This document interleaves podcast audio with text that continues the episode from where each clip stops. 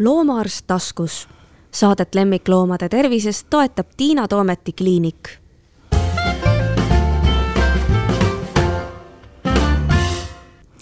tere, tore, et meid jälle kuulate ja minul on väga hea meel, et minu vastas istub kolleeg Kai Ohman ja Kaiega meil on täna selline päris keeruline, tõsine teema, see on onkoloogia. tere, Kai! tere! räägi meile kõigepealt, kuidas sinust on saanud see arst, kelle poole me pöördume siis nende tõesti väga-väga keeruliste teemade ja probleemidega. miks onkoloogia? tegelikult äh, ülikoolis meil ei olnud onkoloogiat ja, ja kui tööle sai mindud, siis kõigepealt mina mõtlesin, et noh, kirurgia minu jaoks pole üldse mingi teema, et äh, see ei köida, ei ahvatle ja, ja siis mõtlesin, et lähen sisehaigustesse. Aga kuidagi jõudumööda hakkasid need kirurgilised teemad tulema ja siis ma sattusin ühele koolitusele, kus oli paralleelselt olid väikenärilised ja oli kirurgia või need onkoloogia teemad. ja siis mõtlesin, et ah, ma lähen kuulan ühe onkoteema ka, et noh, tundub nagu täiesti võõras maailm. ja siis ma kuulasin ja mõtlesin, et ossa kurja, see on ju üliäge asi ja ja siis jõudumööda samm-sammult ma hakkasin sinna onkoloogia poole vaatama ja hakkasin aru saama, et noh, kõik need mummud, mida me opereerime, et need ei olegi mummud, need on tegelikkuses hoopis mingi teine elu, eks ju. ja sealt see huvi hakkaski pihta sest noh, mina, ma millegipärast mäletan seda algusaega ja mul seostub tõesti sinu, sinu teema mingite väikenärilistega mm, -hmm. aga see läks hästi ruttu üle ja nüüd ma arvan, et me ei kujutagi ette, et kui meil on ikka raske mingisugune kasvaja patsient, et kelle poole me siis pöördume, et ikka pöördume Kaie poole ja palju see siis aastates nüüd teeb, mis sa oled seda süvendatud, sellega tegelenud siis selle? kümmekond. kümmekond. Räägi, kuidas on muutunud, kuidas, kuidas sa näed seda, sest noh, jälle ma võin natukene nende, ma armastan neid põikeid minevikku. Ja kui mina kolmkümmend aastat tagasi alustasin, siis ju oli umbes nii, et kasvajaga looma ei tahetud üldse opereerida, et oi-oi, ta on nii vana ja ta ei pea vastu ja noh, siis olid veel need teooriad ka, et nagu sa seda kasvajat puudud, siis see läheb kohe kõik igale poole laiali. Noh, nüüdseks on muidugi see juba natukene õnneks minevikku vajunud, aga ma arvan, et hästi palju neid müüte ja valearvamusi on endiselt, aga, aga mis oli see, millega sa siis kümme aastat tagasi kokku puutusid ja kuidas sinu töö nüüd on nagu noh, teiseks läinud või arenenud, et seda oleks väga huvitav kuulda? ütleme, et põhiline asi, mida ma tegelikult näen, on enesekindluse teke see on nagu see kõige olulisem, et ma julgen teha ja ma julgen soovitada. ja Eesti ei ole kaugeltki jõudnud järgi sellele, mis on muu maailm, eks ju, need suured riigid, äh, USA, Inglismaa, kus tehakse kõikvõimalikke uusi katseid ja kõik on by the book. et kuna Eesti tingimused või ütleme, Eestis ei ole neid asju võimalik teha, siis mul on tulnud julgus teha olemasolevate asjadega asi, mida mul algselt ei olnud tegelikult. et siis ma proovisin ka, et, et ei eksiks, siis tuleb teha nii, nagu raamatud ütlevad.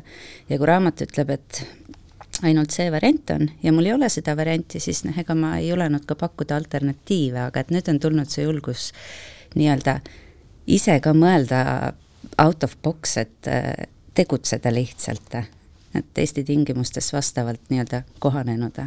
no ma arvan, et, et mis siis omal ajal, kui sai hakatud lõikama neid, mida me siis nimetame uudismoodustisteks, sest me ju väga tihti ei tea isegi, mis see siis on, mille me ära lõikame, eks. et eks siis esimesed olid, mille kallale julgesid arstid minna ja, ja ilmselt praegu ka see tava nii-öelda perearst on siis kõikvõimalikud mummud, nagu sa ütlesid mm, -hmm. ja mis mhm. pärast ei osutugi mummudeks, ja noh, ilmselt ka piimanäärmekasvajad olid mm -hmm. sellised, millega ikkagi tegeleti ka siis juba kümme aastat tagasi. Mm, äh, kui nüüd sellest mummudest rääkida, siis äh, noh, jälle väga vana müüt oli see, et oi, ära puudu, ära puudu, vaatame ja siis mina mõtlesin, mis asja me vaatame, et vaatame, et läheks hästi suureks ja vaatame, et koer oleks hästi vana ja oleks võimalikult raske lõigata. et, et kas sa nüüd näed, et see müüt on vähemalt nagu ümber lükatud või endiselt oodatakse ja vaadatakse neid mumme? On kindlasti kohti, kus oodatakse, vaadatakse ja on ka kohti, kus ma ise ütlen, et ootame mm. -hmm. mõnikord küll, jah. just mm, -hmm. aga hästi palju on muutunud see, et tegelikult võetakse proov, sest äh, kui ta kasvab, siis ta enamasti kasvab, mitte alati, aga mm -hmm. enamasti.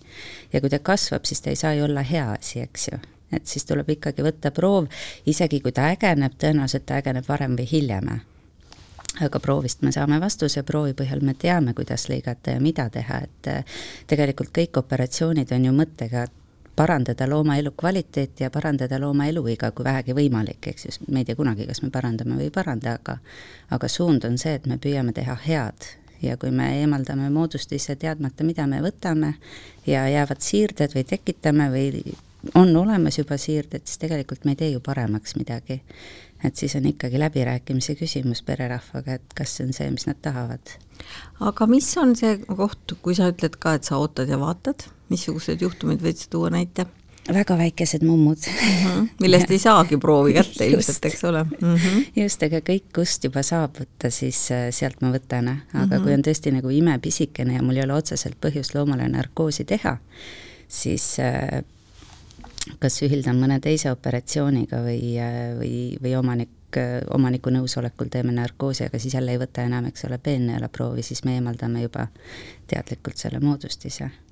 peennõelaproovist peame ka natuke rääkima, et ilmselt kuulaja ei pruugi üldse teada, mis see on ja tal võiks olla huvitav teada, et kuidas neid proove siis, kui sa ei, seda moodustist ei eemalda, et kuidas seda proovi siis võetakse peennõelaproov on kõige lihtsam võimalus saada teada, mis tüüpi moodustisega meil tegemist on ja see on lihtsalt nõelaots, pannakse sinna moodustise sisse ja püütakse sinna nõela otsa neid rakke.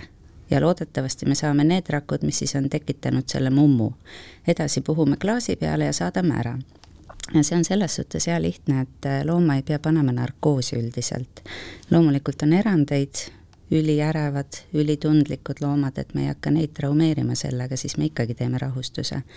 Aga peenneelaproov on number üks alati jah, mis ma, kui vähegi võimalik, siis võtan.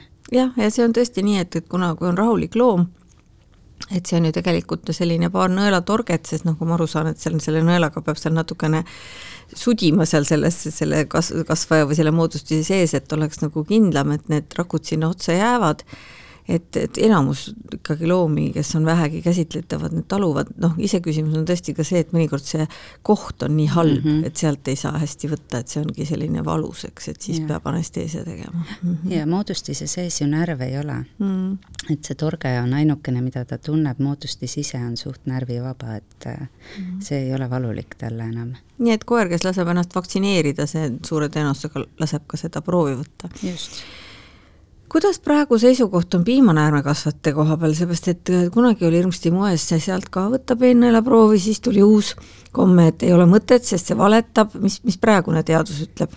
praegune teadus ütleb, et äh, selle jaoks, et välistada põletik või mõni teist tüüpi kasvaja, me ikkagi soovitame võtta, sest äh, rasvkoekasvajad võivad ju ka olla piimanäärme mm -hmm. piirkonnas. võib olla tavaline piimanäärme põletik Mm -hmm. kuigi ütleme, alati me ei saa ka vastust, sest piimanäärmekasvaja on ju nii head kui halvad rakud kõrvuti ja kui me satume heast kohast võtma, siis me ei saa seda vastust, kui me halvast võtame, siis me saame vastuse. aga tegelikult ta on just sellise põletikulise protsessi välistamiseks ja teist tüüpi kasva-, kasvajate mm.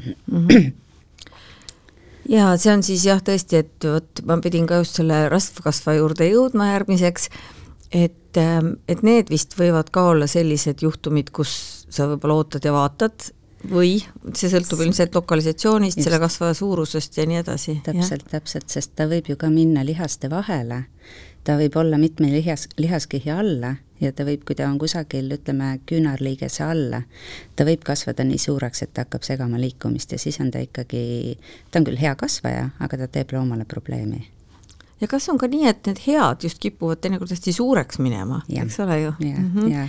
et on hea küll, sõbralik, aga, aga hakkab, aga hakkab elu segama, et, et siis on jälle ilmselt see eemaldamine näidustatud.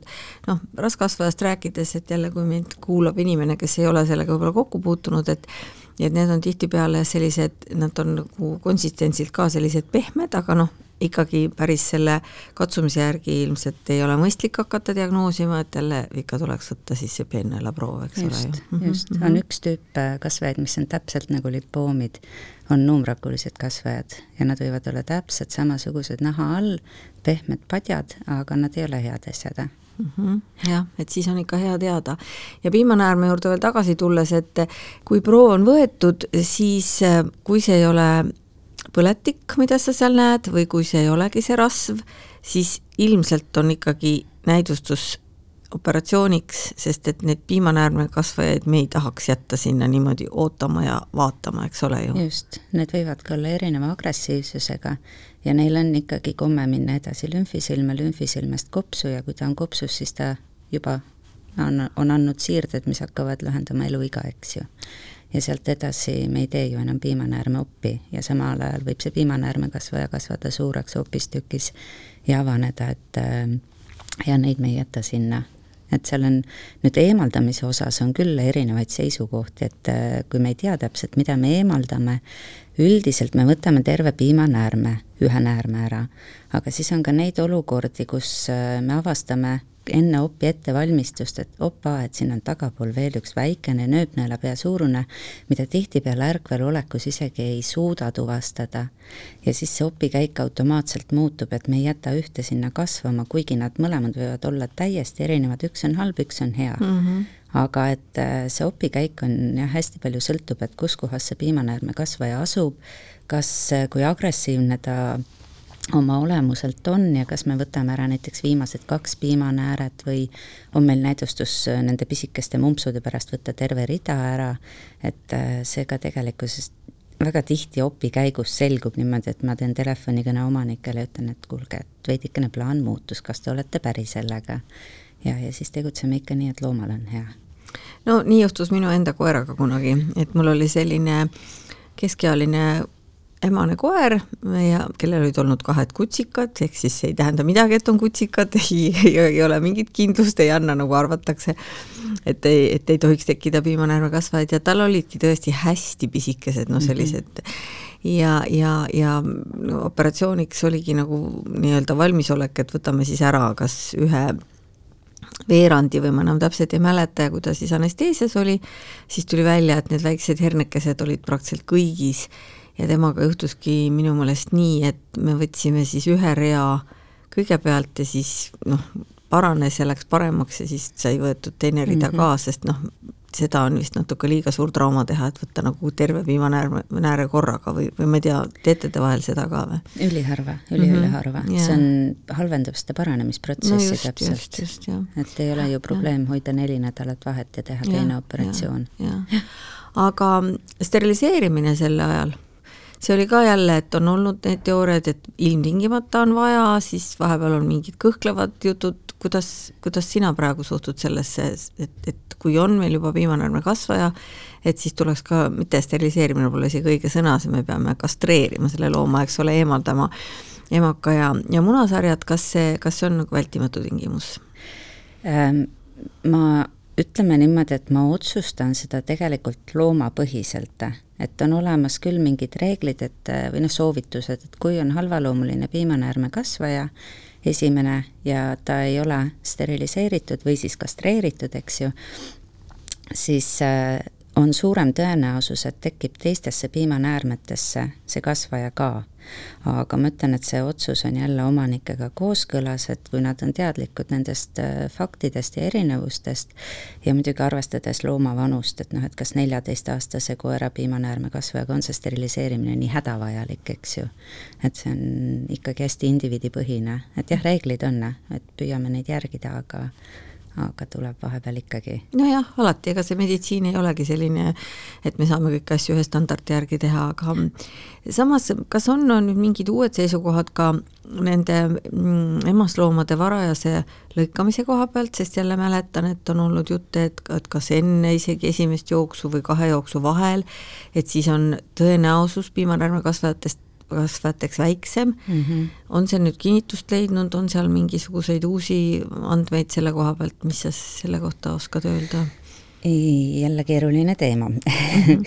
aga seal on, ütleme, minu soovitus on, kui on suurt kasvu koerad, eriti rottweilerid, kuldsed retriiverid, labradorid, et nad saavutaks oma täiskehamassi ja siis ma teen selle steriliseerimise. jah, mida nooremalt ma teen, seda väiksem tõenäosus on piimanäärmekasvajatele, aga piimanäärmekasvaja on üks asi, mille ma suudan tuvastada, kui ta on väikene. kui nüüd seetõttu areneb näiteks Rottweileril on leitud seos ikkagi osteosarkoomi tekkega ja kuldsel retriiveril nuumraku või äh, hemangiosarkoomi tekkega, või lümfoomitekkega, et siis äh, tegelikkuses need on palju karmima diagnoos, või ütleme, prognoosiga haigused, et siis ma olen läinud seda teed jälle, et äh, kui on suurt tõugu koer, las ta kasvab suureks ja siis võime eemaldada need hormoonid mm. -hmm. aga see siis nagu väheneb, et kui ma nagu teda ütleme kahe-kolmeaastaselt äh, opereerin, et siis, siis need kasvajad, mida sa nüüd siin mainisid, et nende suutõenäosus on väiksem, jah? võiks olla mm -hmm. jah, jah, jah, et see on no ütleme, sada protsenti kinnitatud ei ole, aga, aga on leitud, et äh, nende mm. esinemissagedus tõuseb, kui väga varakult steriliseerida. no ja lisaks veel ka see, et, et kui nad, nad ei ole tegelikult esimese jooksuaja jaoks, nad ei ole nagu muidu ka päris täis nii-öelda arenenud mm, -hmm ja jälle, et nagu elu kuidagi on näidanud, et, et kui neid väga vara lõigata, noh eriti kui oli see ameeriklaste komme, mida Eestis ei ole, ei ole õnneks ähm, kasutatud, et lõigata täitsa kutsikatena mm, -hmm. mis on mhm. tehniliselt lihtne, aga siis nad ju jäävadki nagu sellisteks tittedeks, et mm -hmm. neil ka ütleme isegi nagu minu meelest nagu päris see psüühika ei arene välja nii et, et ja, ja noh, millal see täpselt, see esimene jooks tuleb sel suurtkasvu mm -hmm. koerale, et siis on ka ilmselt kindlam, et tal vähemalt see esimene jooksuaeg oleks ära ja. või siis isegi nagu ma sinu jutust nüüd aru saan, et võib-olla isegi ka teine oleks mõistlik lasta. no poolteist, kaks, ütleme, see on ja. see vahemik, kus mina hakkaks mõtlema mm. -hmm. ja, ja, ja väga tore, aga mm, me räägime kogu aeg koerast, nagu väga koerakeskne, noh, koerast on tegelikult selles mõttes palju parem rääkida, et et mulle tundub, et prognostiliselt nagu koer on ikkagi parem patsient kui kass. et ja. kasside kasvajad kipuvadki olema ikkagi reeglina väga halvad, nii et sa noogutad mm., ma saan aru, et mm -hmm. nii jah. tõesti on, et väga kurb, aga aga, aga ma ei tea, kui palju, kui palju me neid kasse ma ei tea, noh, mina olen näinud piimanäärmekasvajaid põhiliselt ja ka need on juba võrreldes koera piimanäärmekasvajaga väga-väga palju halvemad, on seal kassil ka mõni hea kasvaja, mille puhul me võiksime olla nagu rõõmsad, et oh, ei ole hullu, võtame ära, või ta kipubki olema selline, selline kehva, kehva lootusega selle, see loom? Ehm, praegu püüangi mõelda mõnda head kasvajat ma arvan, et lipoom on ainukene, et mm -hmm. aga noh, see ongi healoomuline kasvaja, ja neid esineb ka kassidel vist palju vähem kui koertel või? on ju nii, eks ju mm. -hmm. ja tõenäoliselt isegi osteosarkoome muuseas, aga no seda jälle näeb nii harva, eks ju mm. -hmm, aga et mhm. koertel on osteo on halva prognoosiga ja kassidel on siis see luuvähk oluliselt parema prognoosiga, et neile eemaldad ühe käpa ära ja nagu teada, on nad sündinud kolm käppa pluss igaks juhuks üks, eks ju et siis äh, nemad saab sellega tegelikult terveks ravida. jah, kas selle luuvähi prognoos kassil on, ongi parem sellepärast, et ta saab kolme käpaga hakkama või on see kasvaja ise ka vähem agressiivne? kasvaja käitumine on parem Aha, ja, ja mhm, et ta on mm -hmm. vähem agressiivne. koertel on enamus äh, luuvähk on selleks ajaks juba mikrometastaasid andnud mit-, siis mikrosiirded, eks ju mm, -hmm, ja mm, -hmm. ja tegelikult äh, ta ei suregi sellesse ütleme, põhikoldesse, vaid tegelikult nendesse siiretesse. aga kassi puhul see niimoodi ei ole. on sellel äh, luuvähil mingi lemmikorgan, kuhu ta siirduda tahab? tal äh, siirduda, e, ta eelistab kopsu. Mm -hmm et sinna tulevad pilvekesed sisse. mul lihtsalt äh, sellega seoses kohe jälle tuleb meelde minu eelmine koer, siis sellest eelmine, kes väga noorelt sai selle luuvähi, et mul oli bokser, kes hakkas ähm, ah, ma nägin, et ta ranne oli paistes, ta oli mm -hmm. seitsmeaastane ainult ja ma tõesti arvasin, et ta on lihtsalt äh, kuidagi noh, long, long, kuidagi vigastanud või halvasti astunud või hüpanud ja ja, ja kolleegid tegid, tegid kliinikus pildi ja, ja küsis noh, minu tolleaegne kirurg, et kas sa ise nagu noh, on sul mingi kahtlus ka, ma ütlesin, oi, mis suur koer, et kindlasti tegi endale haiget. Ja siis näitas mulle seda pilti, see luu oli juba selline koidest söödud. ja ma mäletan, et ma konsulteerisin kõikide tolleaegsete ortopeedidega, doktor Viitmaa tegi tol ajal veel ortopeediat, doktor Kuks, doktor Trallmann Lasn ja, ja noh, nad kõik rääkisid äh, natuke võib-olla erinevat juttu, üks oli kõige optimistlikum, kes arvas, et noh, saaks võib-olla amputeerida jala ja pärast peaks siis tegema kiritusravi, aga ma mõtlesin oma neljakümne kilose bokseri peale, kellel niigi tagumine põlv oli mhm. natuke kehv, et ma oleks ta jätnud siis nii-öelda kahe jalaga mm. -hmm ja siis ma otsustasin, et ma ei võta tema viimaseid elukuid selle noh, nii raske operatsiooniga ära et ma pean lihtsalt suutma tast lahti lasta, aga see ei ole kindlasti muidugi nüüd see, et ma ütlen, et kõik peavad nii tegema, et see on hästi paljudest asjaoludest sõltub, sest ja. ma käisin siis spetsiaalselt ühte onkoloengut kuulamas ühel rahvusvahelisel kongressil ja seal olid nad väga optimistlikud selle jala eemaldamise mm -hmm. ja mhm. edaspidise kiirituse puhul, aga noh, see kiiritus oli ka tol hetkel mulle kriitiline, sest seda ei oleks saanud kusagil teha, ma ei tea, kas mm -hmm. praegu Eestis saab kusagil juba kiiritada või mm, -hmm. või veel ikka ei saa, jah? ei saa, jah mm. -hmm. praegu on äh, keemiaravi ja, ja siis see amputatsioon, et amputatsioon tegelikult on valuravi, jah Mm -hmm. kuna tihtipeale see luu ongi nagu hästi koi poolt ju söödud mm -hmm. ja sinna mm -hmm. võib tekkida see iseeneslik luumurd, mida mm -hmm. ju enam ei lapi, eks ju pluss need luuasjad on hästi ja, valusad. no mina lihtsalt otsustasin, et ma pidas, hakkasin teda kohe pidama hästi tugeva valuvaigisti peal ja, ja et noh, kui ma näen, et see enam ei aita, et siis oligi see hetk, kus tuli otsustada aga kas keemiaravi siis, sest tol hetkel ma mäletan, oli küll nii, aga noh, see areneb siin ju kakskümmend aastat tagasi oli see kõik juhtus, et eh, tänapäeval on juba keemiaravi mm, nii edukas nende luuasjade puhul, et me ei peagi selle kiirituse puuduse üle kurtma või, või kiiritus tol ajal, tähendab kiiritust kasutatakse tegelikult tänapäevani valuravina mm, -hmm. et ta ongi selle käpa valuraviks okay.. aga sinna juurde tuleb ikkagi see keemiaravi, sest keemiaravi eesmärk on neid metastaase just mm -hmm, aeglustada mm. -hmm. aga et keemiaraviga me parandame seda prognoosi ligi aasta et võiks ta kauem elada, mis on tegelikult ju suurepärane koera mõistes. koera jaoks palju, muidugi ma saan aru, et keemiaravi ei ole üldse mingisugune imeasi enam, et seda oled sa teinud juba, juba palju aastaid, ma lihtsalt oma kolleegide pealt näen, kes, kes sulle helistavad ja patsiente saadavad ja nõu küsivad. kas ähm, kas inimestel on raske seda vastu võtta, seda otsust, et nüüd hakkame, oi keemia, noh sest tihtipeale inimesed ise ju endale mm -hmm. ütlevad, ei ma kõike muud võin lubada, aga ma ei lasegi. kuidas sulle tundub, kuidas loomaomanikud äh, nagu võtavad vastu seda? ütleme, et harva, kus ma ütlen aitäh, doktor Google siis äh, tihtipeale nad loevad ette ja, ja nad teavad, et loomadel ei tohi olla kõrvalnähte mm. -hmm. et selle koha pealt äh, kes juba mu konsultatsioonile tuleb, see ikkagi mõttes on juba valmis selleks. ja noh, minu põhiline arv, ütleme, põhilause on ka see, et äh, me teeme keemiaravi eeldusel, et ta tunneb ennast sama hästi peale ravi nagu enne ravi mm, -hmm. et mhm. koer ei tohi kannatada, nii mm -hmm. nagu inimene. ja kass samamoodi. ja kass täpselt mm -hmm. samamoodi, aga kass kannatab veel paremini kui koer keemiaravi. Okay.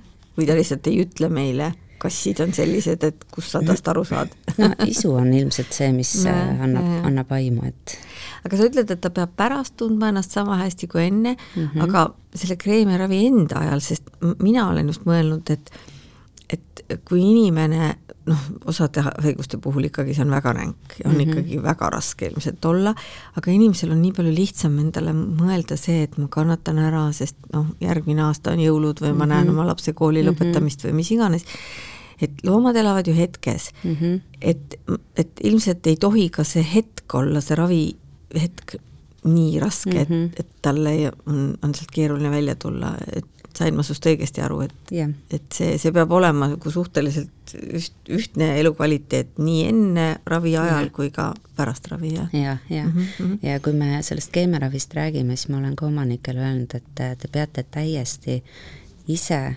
vaatama, kuidas teie koer tunneb ennast kliinikus käies mm. -hmm. ja tegelikult, äh, kuna see on üks elukvaliteedi mõjutaja ju mm, -hmm. kui ta peab järgmised kolm kuud, eks ju, käima kliinikus iganädalaselt näiteks, ja ta ei kannata kliinikuid ja tuleb mm -hmm. sõrad ees, eks ju, sisse, siis ma ei arva, et see oleks nagu mingit moodi tema elukvaliteedi parandamine mm. -hmm. sest need doosid on ju madalad, doosid ongi sellised, mida nad kenasti kannataks ilma kõrvalnähtudeta mm, -hmm. aga see tähendab ka, et me ei võida vähki tihtipeale, kui me oleme otsustanud keemiaravi teha et see ongi ajapikendus ja täpselt kuna ta elab hetkes mm, -hmm. siis see ravihetk peab olema täpselt sama väärtuslik nagu ennem mm, -hmm. enne ravi.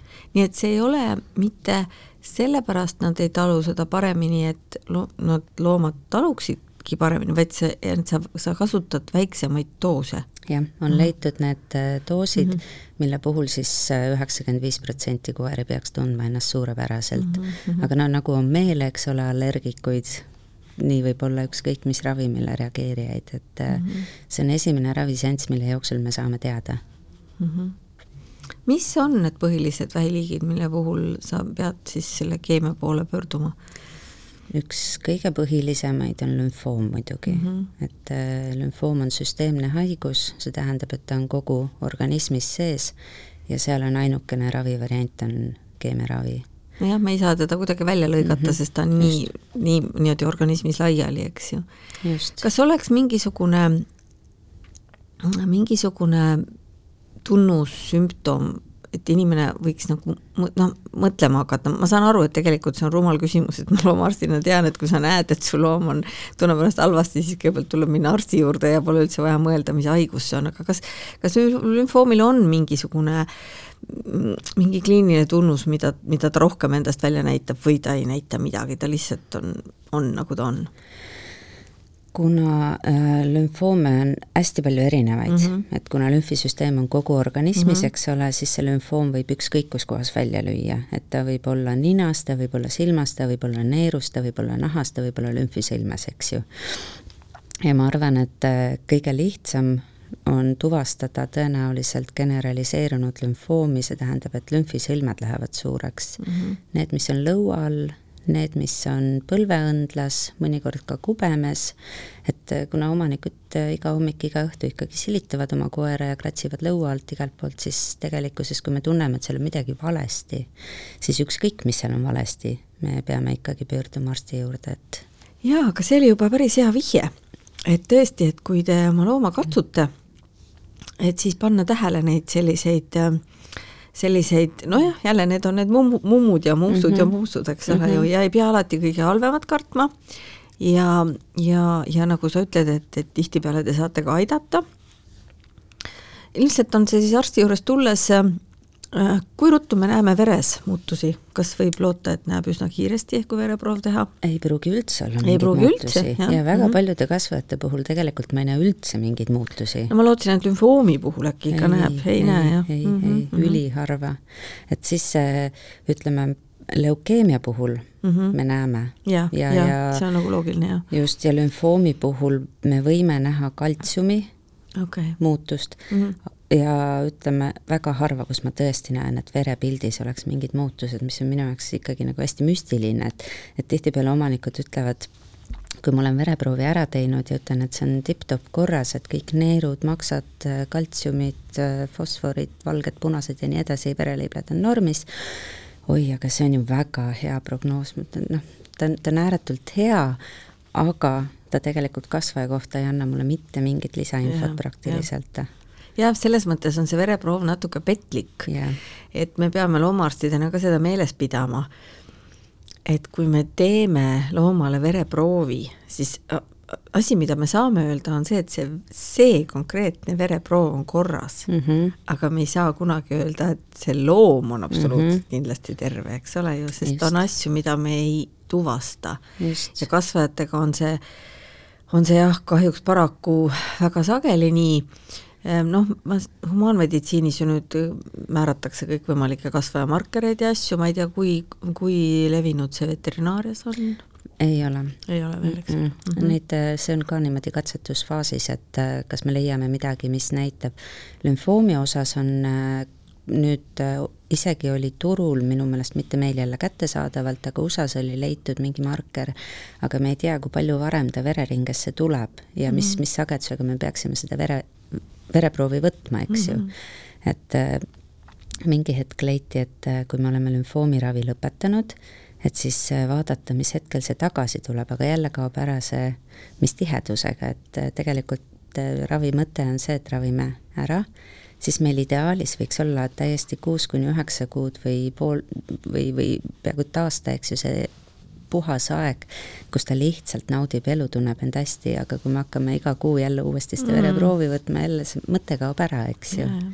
ja aeg läheb linnu-lennul aga nagu sa ütlesid, et ikkagi, kuna need doosid on nii väiksed, siis tihtipeale noh, nii-öelda me hoiame seda äh, kasvajat edasi arenemast ja mm, -hmm. ja mhm. siirdeid andmast, et me ei ravi neid terveks, aga on sul juhtumeid, neid edulugusid, kus ta ongi puhas ja ta tegelikult surebki kunagi mingi, hoopis mingi teise haiguse kätte, et tal ei tule see, see kasvaja nii-öelda tagasi. jaa äh,, surm ei ole kunagi tore, eks ju. nojah, aga ta paratamatult aga, saabub just aga et äh, võib-olla see kasvaja ei jõudnud tagasi tulla mm, Mhm, -hmm, aga on küll, on mm, -hmm. üks oli isegi hemangiosarkoom, mis on siis põrnakasvaja. et äh, ma tean, et omanik käis Saaremaalt veel, me valisime sobiva skeemi ja, ja aasta aega olin ravi andnud ja siis mõtlesin, et huvitav, mis värk on. et äh, ta on mull, ma ei peaks enam alluma või peaks olema tagasi tulnud. ja, ja kui tegime kõik täiskeha uuringut, siis aasta hiljem oli ta täitsa terve. ja mõtlesin, no see ei ole võimalik, kusagil pidi olema kellegi valearvestused aga noh, äkki tõesti, äkki ja, tõesti. sest loodus on ju imeline, eks absoluutselt, ole. absoluutselt, jaa on sul olnud selliseid juhtumeid ka, et kus omanik ei saa aru ja tahab hirmus lõpp, noh, liiga kaugele lõpule minna ja sa näed, et loom enam ei, ei ole valmis ja me ei saa talt mm -hmm. ju küsida ja ta ei saa öelda mm. -hmm. ja äh, hästi tihti küsitakse, et äh, millal mm, -hmm. millal ma pean otsustama eutanaasia kasuks. ja minu jaoks on kolm põhikriteeriumi, kui loomal on valus, number üks ja kui me oleme juba aidanud nii palju, kui saame. Number kaks, kui ta hakkab tundma nälga, tekib isutus või, või valust tingitud nälgimine. number kolm, kui ta ei saa juua mm. -hmm. ja neljandaks siis on see, kui ta tegelikult ei saa oma bioloogilisi vajadusi rahuldada. Mm -hmm. aga et kui üks nendest neljast sõltumata meie pingutustest on esile kerkinud, siis on aeg eutanaasiaks mm. -hmm. ja lihtne ei ole see otsus mitte kunagi ja aru saada ei ole ka lihtne mm.. et isegi mu oma koeraga ma arvasin, et äh, natuke veel, natuke veel ja siis üks hetk isa pidi mulle ütlema, et Kaie, kuule, vaata korra mm. -hmm. ja siis mõtlesin, et opa, tegelikult ongi aeg. ja see tuli jube järsku, mis sest, et aasta olen mõelnud, eks ju. jah, see on, see on tihtipeale niimoodi, et, et sa vaata harjud ise natuke ära, et ta on selline mm -hmm. õnnetu ja vilets ja see, et ta läheb päeva-päeva pealt nagu millimeetri võrra viletsamaks siis ei märka. ei märka ja siis teinekord on seda kõrvalpilku natuke vaja, natuke vaja on. näha. Aga noh, ma väga loodan, et, et inimesed arvestavad sellega, et nii raske kui ei ole sellest loomast loobuda, siis ikkagi mõeldakse selle looma nagu parema just. oleku peale, see on hästi tähtis. see on see viimane abi, mis me anda just, saame, et, et ta ei pea kannatama mm ma küll ei tahaks nüüd sellise noodiga lõpetada, mõtleme mõtleme mm -hmm. nüüd midagi toredat siia lõppu. et kas või juba see, et, et sa saad teha nii palju nende lootusetutena noh, tundu, tundunud juhtumitega, mis siis meil viisteist aastat tagasi olidki, et noh, nüüd on nagu kõik, eks ju. et tegelikult ongi, palju on neid kasvajaid, kus ei saa aidata, aga seesama olemasolemine ja see, et äh, ma saan valu vähemalt millegagi ära võtta et äh, ütleme isegi, kui see on nädal-kaks ja ta tunneb ennast suurepäraselt mm, -hmm. siis see on, see on juba minu meelest võita. sa andsid mulle väga hea idee praegu. ma pean nüüd järgmisse saatesse kutsuma kellegi, kes räägib meile valust. jaa sest see on, ma arvan, üks väga aktuaalne teema ja ma kardan, et isegi osad loomaarstid, noh, noorem põlvkond kindlasti on väga tublid, aga minu vanustel ei räägitud üldse loomavalust peaaegu midagi mm. -hmm et, et me ei pruugi valu ära tunda, no saati siis see vaene omanik, nemad arvavad, et oh, ta ei nuta, tal ei ole valus yeah.. Et, et äkki me peaksime rääkima natuke rohkem valust ja siis jõuavad ka patsiendid kiiremini nii meieni ja meie Just. juurest ka sinuni ja me saame neid paremini kõiki aidata. absoluutselt mm.. aitäh sulle, Kaie! aitäh! loomaarst taskus. Saadet lemmikloomade tervisest toetab Tiina Toometi kliinik